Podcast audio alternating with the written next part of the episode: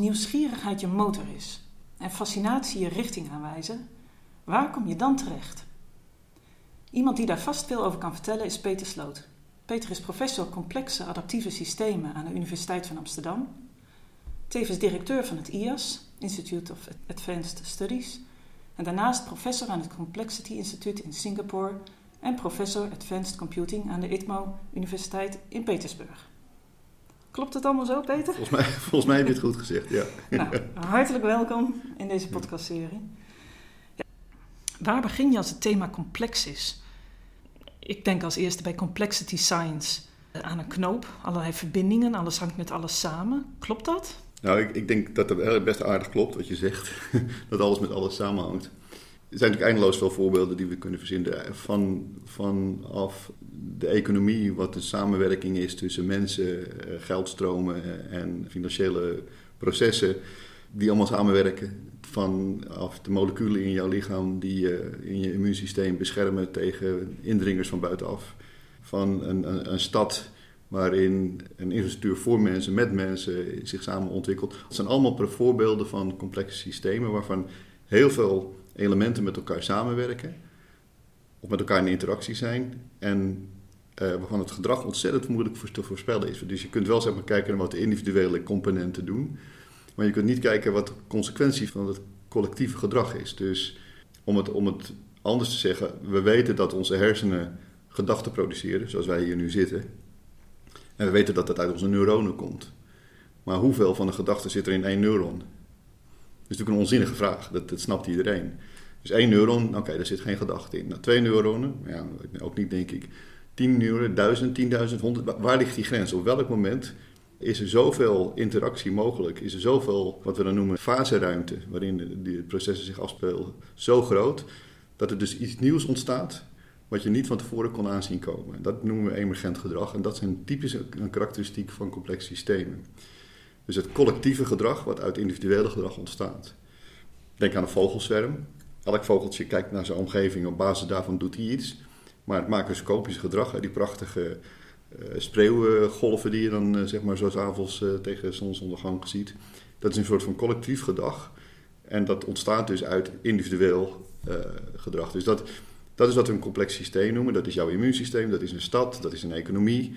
Dat, dat is bijna alles waar, waar we grote vragen over kunnen stellen, hebben dat. En het droevige aan dit hele verhaal is, we weten ongeveer wel hoe die individuele systemen werken.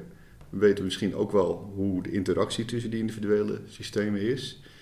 Maar wat we niet weten is, uh, of wat we ook heel moeilijk kunnen voorspellen, is hoe dat gaat samenwerken en hoe zeg maar, hun gedrag elkaar beïnvloedt. En de manier om daar naar te kijken is eigenlijk de volgende. Dat je zegt, een complex systeem is een ding dat op het moment dat ik wil begrijpen hoe het eruit ziet... en ik ga het uit elkaar trekken, ik ga zo'n vogelzwerm uit elkaar trekken... dan laat ik eigenlijk kwijt naar waar ik op zoek ben. Op het moment dat ik wil begrijpen hoe jouw immuunsysteem werkt... en ik ga inzoomen op één signaaltransport wat plaatsvindt bijvoorbeeld... een, een moleculair signaal, dan verlies ik het grotere beeld waar ik naar op zoek ben. Ja. En dat is, dat is eigenlijk de aard van een complex systeem. Ja. Uh, volgens mij zei je in, uh, in je inaugurele reden, al heel uh, wat jaren weer terug, zei je daar ook iets over. Informatie komt in delen. Een echt begrip eist dat we de delen integreren. Ja. Dat is grotendeels een kwestie van creatief voorstellingsvermogen.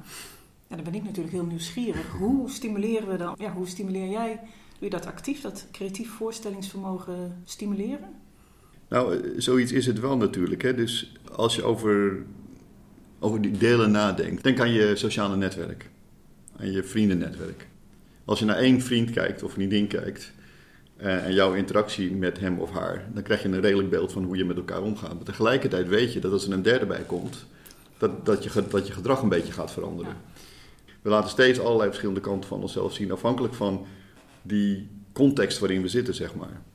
En het kan zelfs zijn dat als je die derde erbij haalt vandaag en of je doet het morgen, dat je ook weer een ander stuk van jezelf laat zien, zou ik maar zeggen. Of je kunt dus zeg maar informatie hebben hoe jij met je ene vriend of vriendin omgaat.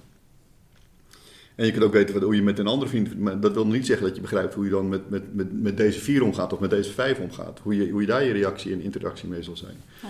En daar een begrip van krijgen, dat, dat is een begrip hebben van hoe die regels van interactie zich ontwikkelen en hoe de, nou ja, die hele, dat hele samenspel gaat.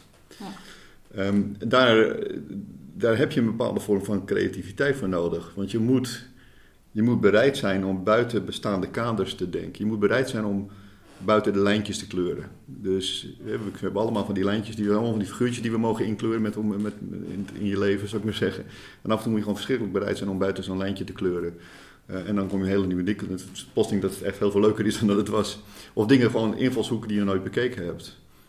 Uh, in, in, mijn eigen onderzoek, ik heb, ik heb onderzoek gedaan aan gedrag in seksueel overdraagbare ziektes, zoals HIV. Vervolgens zit ik op een bepaald moment aan tafel met iemand te dineren en ik, we praten daar nog wat over door. En hij zegt van ja, maar de manier waarop jij naar die, uh, die gedragsbeïnvloeding kijkt, in die, dat ging over seksuele netwerken en, en liefdesnetwerken. En de manier waarop je daarnaar kijkt is eigenlijk niet heel veel anders dan de manier waarop wij binnen de criminologie naar drugsnetwerken kijken. Eén zo'n opmerking, één zo'n, dat, dat geeft een enorme creatieve impuls. Vervolgens zag hij dus vanuit, vanuit zijn kant dingen die hij eerst nog niet gezien had. Ik zag vanuit mijn kant en we zijn samen gaan werken. En vijf jaar later hebben we daar uh, drie publicaties over en praat uh, Europol erover. Dus het is meer openstaan voor elkaars ideeën, luisteren vooral. Um, en, en buiten de lijntjes durven kleuren. Niet, niet, niet in, die, in die stramien lopen waarin je geduwd wordt. Er moet een beetje structuur zijn in, in dingen, maar het, het aardige van structuur is ook dat je er buiten kunt komen. En dat, moet je, en dat is een soort van creativiteit die nodig is, denk ik. Ja, mooi. De verrassende verbanden, ja, vaak door onverwachte ontmoetingen ontstaan. Uh, en je noemt het woord structuur al even. Uh, ja, structuur, chaos, die zijn een interessante duo samen. Mm -hmm. Wat ik me afvraag, kijk, want je schetst eigenlijk de wereld die is voortdurend in beweging, met allerlei factoren die veranderen. Als je naar de natuur zelf kijkt, die organiseert zichzelf steeds. Hoe kan dat? Ja, dat is een ontzettend diepe vraag. um, en als we daar antwoord op hadden, dan uh, waren we klaar. Nee, dat is natuurlijk niet waar. Maar de, de, de beste manier, de manier waarop wij hierover denken, is als volgt. Er, is een, er is iets in de, in de natuurkunde, dat heet de tweede hoofdwet. En de tweede hoofdwet van de thermodynamica, die zegt uiteindelijk wordt alles wordt chaos. Het heelal sterft een, eh, wat ze noemen een, een, een warmtedood alle orde die er is, alle structuur die er is, die verdwijnt. Alles wordt uiteindelijk totale entropische chaos. Die wet is zo hard, daar twijfelt niemand aan. Dat is, dat, daar, eh, daar is geen ontkomen aan. Als we daar aan konden ontkomen, dan hadden we dus ook perpetuum mobile, eindig doorwerkende machines zonder nieuwe energie in te stoppen. Uiteindelijk, overal verlies je ergens uh, uh, structuur en orde. Dat wordt omgezet in warmte en dat ben je dan kwijt. Daar kan je niks meer mee doen. Dat is de tweede hoofdwet. Een, van de belangrijkste dingen die je leert op de middelbare school. Um, en waar je gewoon de rest van je leven mee geconfronteerd wordt. Ook als je s morgens in de spiegel kijkt. Dat je denkt van ja, een stukje entropie heeft toegeslagen. Nou, als je daar dus. Maar wat er gebeurt is dat. Um, een manier om naar hier naar te kijken is de zon. Die brengt ons energie. Die brengt ons iets wat we dan noemen uh, vrije energie. Ook, ook wel genoemd Gibbs-energie met een G. En die energie die wordt door levende organismen gebruikt om structuur te bouwen. Dus zeg maar, de, de, een plant absorbeert die energie en daarmee is hij in staat om een metabolisme op te starten, dus die energie om te zetten in materie. En daarmee bouwt hij een structuur. Die, en het gekke is dus eigenlijk, terwijl we dus weten dat de tweede hoofdwet zegt dat alles een chaos wordt, gaat dat plantje juist structuur bouwen. Dus wat we waarnemen is dat, dat de natuur ergens op de een of andere manier tegen die wanorde in lijkt te gaan.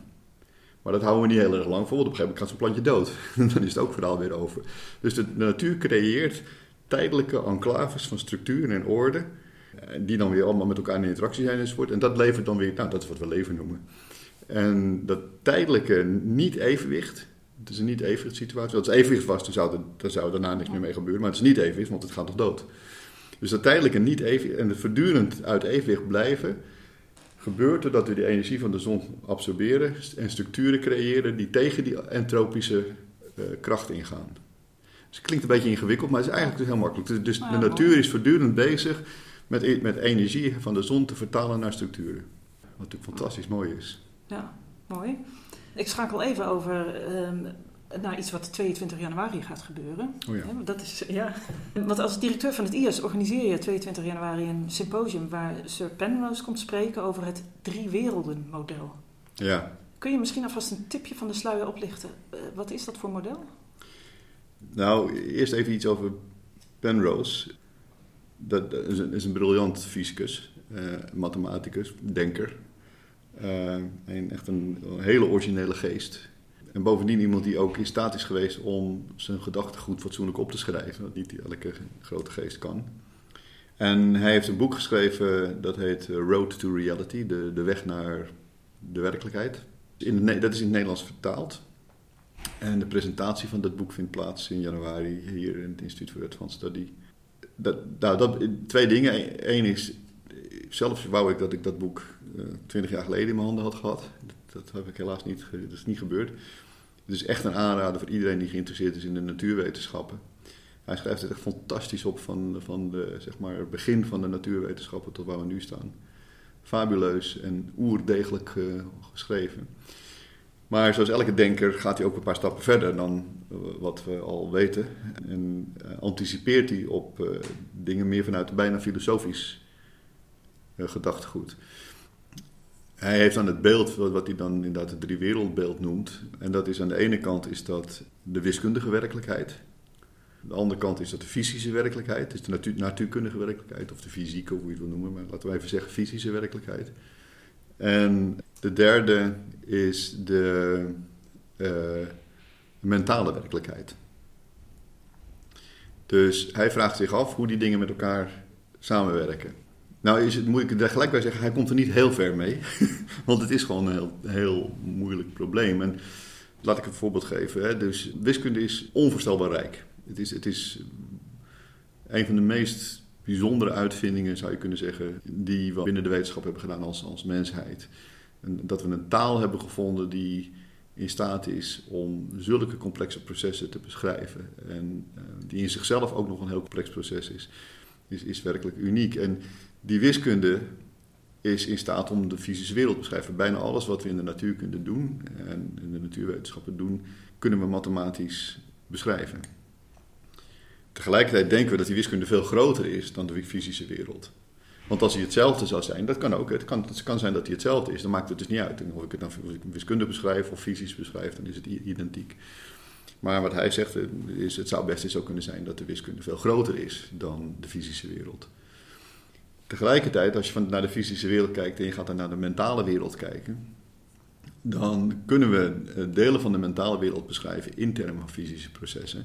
En we kunnen jouw neurologische processen in je hersenen kunnen gewoon meten. Eh, en wat ik net zei over die ene neuron, misschien kunnen we daar op een gegeven moment op een dag wel meten wanneer die gedachte tevoorschijn komt.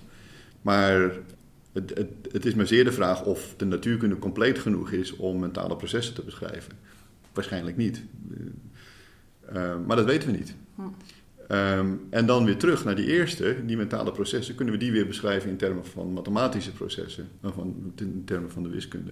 Dus hij vraagt zich in die driehoek af, hè, dus de wiskunde, de fysische en de mentale processen, vraagt hij zich af van, is, zijn die processen onderling volledig genoeg om elkaar te beschrijven? Dat is een beetje de manier waarop je ernaar moet kijken. Maar misschien is, het ook de, misschien is de vraag wel helemaal verkeerd. Misschien is deze opdeling in mentaal, eh, mathematisch en fysisch al te beperkt of zo. Want waar zitten emoties? Waar zit, om terug te grijpen naar het begrip eh, creativiteit, waar zit creativiteit?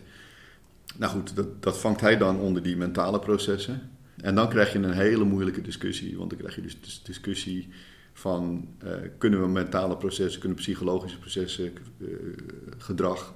kunnen we dat echt vatten in regels? En kunnen we daaraan rekenen? Of is dat iets wat gewoon, waar we een heel ander soort iets voor moeten gaan zien? Nou, hij, gaat, hij voert dat heel ver door... Niet in dit boek overigens, maar in een ander boek gaat hij daar heel veel verder. En dan gaat hij ook praten over van ja, misschien kunnen we die mentale processen dan juist als kwantumprocessen beschrijven. Nou ja, dat is een soort van mysticisme wat je dan krijgt. Want dan ga je zeg maar het ene wat we niet goed begrijpen proberen uit te leggen in het andere wat we niet goed begrijpen. En de vraag is of dat veel oplost. Ehm, en dan zijn er mensen die zeggen van, eh, nou als je het niet kunt meten, dan, ja, dan kan ik er niks over zeggen. En er zijn mensen die zeggen van, eh, als ik het niet kan meten, dan bestaat het niet. Hiermee kom je dus in, in een gebied terecht waar het heel, eh, ja, bijna filosofisch, of meer misschien nog meer dan filosofisch wordt, bijna, bijna een soort van Dus bijna spiritueel wordt, zou ik willen zeggen. En dan, dat, dan raak je gauw de weg kwijt. Omdat dan, dan is het moeilijk om een, een, een gemeenschappelijk gedachtegoed te hebben. Om zeg maar, met dezelfde regels over dezelfde dingen te kunnen praten. Omdat in, in die spirituele componenten, in die mentale en psychologische processen, ehm, zitten heel veel subjectieve componenten in. Dus die, die, die, dat objectieve taal wat we hebben ontwikkeld in de wiskunde en de natuurwetenschappen, die schiet dan tekort. Maar als je inderdaad zegt mentale processen zouden wel eens uh, via de kwantum. Uh... Ja, maar dan, dan, dan uh, zeg je eigenlijk heel erg weinig. Want ten eerste, is dat, dat ten eerste weten we dat niet. Hè? Dus dat, en, en als we dat al zouden weten, het probleem is met, met die kwantummechanica ook wel doen we met z'n allen dat we het snappen. We snappen het niet. We kunnen, we kunnen ermee werken. Het, het werkt, het is perfect. Het voorspelt exact onze experimenten. Het is een verklaring van onze experimenten. Maar er zijn, er zijn nog zoveel grote raadsels in de kwantummechanica waar we gewoon niet uh, één eenduidig antwoord op kunnen geven in de termen van de interpretatie van de kwantummechanica. Dus we kunnen het wel toepassen. Het is een soort van geweldig gereedschap wat we hebben, wat we kunnen toepassen. Wat, wat, wat onvoorstelbaar rijk is en ons zoveel heeft gegeven van, van, van ja, alles om ons heen, waar onze technologie alles eigenlijk draait om, maar ook wel diep inzicht in het ontstaan van, van het heelal en alles draait allemaal rondom die, die kwantummechanica aan de ene kant en al die andere dingen aan de andere kant. Maar dat wil niet zeggen dat de interpretatie ervan, dat we die snappen. Die snappen we gewoon niet. Zo simpel is het. En um, als je dus iets waarvan je de interpretatie niet goed niet met elkaar eens bent, gaat gebruiken om iets anders bij de interpretatie ook niet met elkaar. Ja, dan wordt het toch een beetje, ik denk van nou, ja, misschien moeten we er op een andere manier naar kijken. Maar dat is mijn persoonlijke insteek. Maar goed, we hebben dus elk geval uh, Sir Penrose die naar Nederland komt en, en daar het driewielende model toelicht. En dan gaat u hem dus als professor complexe adaptieve systemen welkom heten. Wat heeft complexity science te maken met zijn onderzoek? Waar zit de overlap? Hij zegt van ik wil duiding aan de wereld geven in termen van die drie componenten. Dus hij trekt het uit elkaar. Um, maar tegelijkertijd laat als je die plaatjes ook ziet, die zijn fantastisch, die hij daarvoor tekent. Laat hij ook zien van ja, ik trek ze wel uit elkaar, maar ze zijn allemaal, het is een soort van uh, daar wordt ook steeds weer mee vergeleken. En daarom hebben we ook trouwens uh, de, in januari uh, iemand die gaat praten over Escher, de beroemde kunstenaar, ja. kunstenaar. Die dus die, die prachtige voorbeelden van die eindeloos lopende watervallen en al die dingen. Dus er is ergens een begin, maar het is ook gelijkheid weer een eind of zo. Weet je? Dus, dus alles is met alles verweven, alles is door elkaar heen. En eigenlijk op het moment dat je Escher uit elkaar trekt, krijg, vind je dat ook niet meer. Je vindt dus op het moment dat je zeg maar, naar, naar één zo'n pilaar kijkt in dat, in dat gekke gebouw wat hij bouwt en vind je ook dat karakteristiek niet meer van die eindeloos doorlopende waterval. Dus het heeft er alles mee te maken. Het heeft alles met, met uh, complexiteit te maken. Maar hij trekt het dan op een heel specifiek gebied naar een heel speciaal abstractieniveau. Wat ik hoop dat er uitkomt uit die bijeenkomst is dat we eens proberen met die, met die nieuwe wetenschap van de complexity-wetenschap dat we dan eens proberen naar zijn dingen te kijken. Met de methodes en de wiskunde die we hebben ontwikkeld en de, en de natuurkunde die we hebben ontwikkeld voor complexe systemen. Dat we dus opnieuw kunnen kijken naar zijn drie wereldmodel. En, uh, en daar dan misschien toetsbare voorspellingen aan kunnen doen. Dat, zou, dat, zou een, uh, nou, dat zou een mooie uitkomst zijn voor zo'n dag. Ja. Is het doen van voorspellingen is wel iets waar je uiteindelijk op uit bent? Ja, ja. Op het moment dat, ik in een, dat er een complexe situatie is, neem de economie. Uh, en ik kan voorspellen dat als je dit doet, dat er dan dat gebeurt. En daar zit allerlei onzekerheid in enzovoort. Dus ik kan zeg maar de kansprocessen daarvan voorspellen. Dat, blijft altijd een stochastisch element in zitten. Um, dan heb ik het gevoel dat ik het begrijp. Het grote ding waar ik naar jaag, als je het zo mag noemen, is kijken van kan ik processen, ingewikkelde processen, complexe processen voorspellen. Dat is lastig, want in complexiteit hebben dingen vaak geen oorzaak en gevolg oorzaak is het gevolg, zou ik maar zeggen. Ja. En gevolg is de oorzaak. Dus dan is het heel moeilijk om te zeggen van ja, wat is nou, wat veroorzaakt wat? Ja.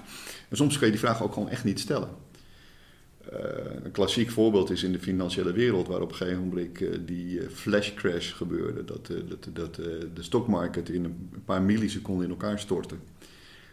Dat was een totaal bizar verschijnsel, was dat niemand begreep waarom dat, waarom dat gebeurde. En, um, en nou precies aan te geven van dit is de oorzaak van, van dat geweest, waardoor dat, dat, dat, dat gebeurde, dat is gewoon niet te doen. Omdat de oorzaak en gevolg daar volkomen door elkaar heen lopen.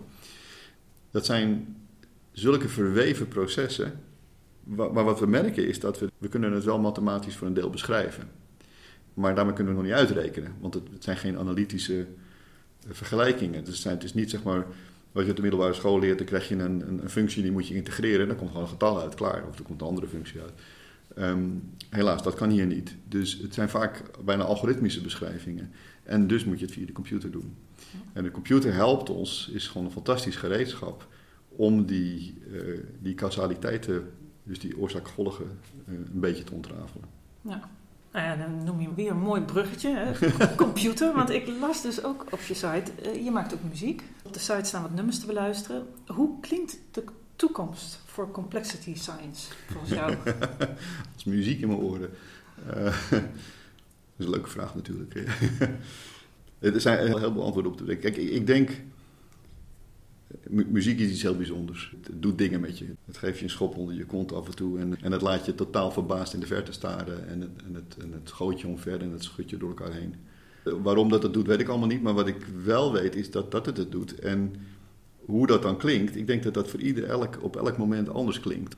Ik kan ook een heel helder verhaal geven aan je van zo klinkt complexiteit. We, we weten bijvoorbeeld, uh, er is iets dat heet een cellulaire automaat. Dat is een wiskundig concept. Daarvan weten we dat een bepaalde soort cellenautomaat, de zogenaamde regel 110, die geeft je complex gedrag. En je kan dat complex gedrag gewoon op muziek zetten. Dat heb ik ook wel eens gedaan. En dat, dat, dus dan, dan hoor je complexiteit. Je hoort dan iets wat net niet chaotisch is, maar ook net niet gestructureerd is. Dat is weer precies op die grens tussen orde en chaos. Maar dat is een bijna mechanistische beschrijving ervan. Het is veel meer van wat doet het met je. En dat hangt van zoveel factoren af, dat is zo complex. Daar komen, we, daar komen we niet in de buurt. Dat hangt er vanaf uh, ja, wat je gegeten hebt, wat je gedronken hebt. Tegen wie, met wie je het samen beluistert en op welk moment je beluistert. Er zitten zoveel subjectieve elementen in. Ja, nou waarom ik ook nieuwsgierig naar was, eh, de vorige podcast uh, was een uh, verslag van de bijeenkomst Mathematics of ja. Planet Earth. Oké. En ik denk als we het dan over klimaat hebben, dan is het misschien wel interessant om muziek te gebruiken die door planten wordt gemaakt. Ja, ja. Je hebt een apparaatje tegenwoordig die de. Klopt, ja. Uh, je kent het, hè? Ja, ja zeker. Ja. En ik merk zelf dat dat muziek is uh, die heel bizar, want er zit geen, geen duidelijke ritme in. Het is wel soms melodisch. Ja. Maar als je zegt van, goh, wat heeft dat voor een effect? Dan denk daarin Heeft merk het wel ik een van, effect? Ja, ja. ja, het heeft een heel uh, rustgevend effect. En juist omdat je zo net de planten benoemde als nou ja, heel, Ja, ja. heel duidelijk die wezens die dus eh, direct dat licht binnenkrijgen en, eh, En die informatie vasthouden. ja, iets bieden wat de wereld eh, overeind kan houden. Dan denk ik van, nou ja, misschien ligt de toekomst er wel in dat we meer met planten... Ja, ja, nou niet alleen met planten, maar met leven gewoon, denk ik. Gewoon. Is, maar, ja, heel andere vraag nog, tot slot. Ja. In de introductie zei ik het al, je werkt op heel verschillende eh, plekken. Petersburg, Singapore, Amsterdam. Waarom zo wijd verspreid werken? Is er een rode draad die juist deze steden verbindt? Ja, wat het, wat het verbindt zijn de mensen. De denkwereld van de mensen. Ehm, ik wil niet zeggen gelijkgestemde, want dat is een beetje suf. Als je gelijkgestemde hebt, dan is het ook goed om af en toe niet gelijkgestemde om je heen te hebben. Dus dat is het niet. Maar het is wel de ambitie die de mensen in die, in die, eh, drie plekken waar ik dan veel zit, ehm, hebben. Eh, die ambitie zit allemaal in het begrijpen van hoe structuur uit wanorde wordt ge- gecreëerd en omgekeerd orde kan omslaan tot, eh, tot dynamische structuren. Dat zit een beetje in al die eh, clubs waar ik dan eh, me in begeef. Kijk, we- we zitten allemaal bomvol met, met, met vooroordelen. Bedoel, je hoeft maar de straat op te gaan en Rusland te roepen en iedereen heeft wel een mening over. En je hoeft maar de straat op te gaan en iets over India of Azië te zeggen en iedereen heeft wel een mening over of zo. En dat zijn allemaal ontzettend versimpelde kijk op die hele complexiteit van, van die verschillende culturen en die, en die mensen die daar zitten. En uiteindelijk gaat het om de mensen. En, die, en die, dat zijn stuk voor stuk. Zit, zit er, zitten daar juweeltjes tussen. En nou, wat is, wat is een mooier cadeau dan dat je daar met dat soort mensen steeds met nieuwe impuls, met nieuwe mensen, dat je daar met, met die mensen mag praten en ideeën mag uitwisselen. Nou, mooier dan dat kan je niet hebben. Een mooi werk. Oké, de rest mij eh, het dankwoord uit te spreken. Hartelijk dank voor je bijdrage aan deze podcast. En heel veel succes bij eh, verder onderzoek. Dankjewel, graag gedaan. Peter Sloot.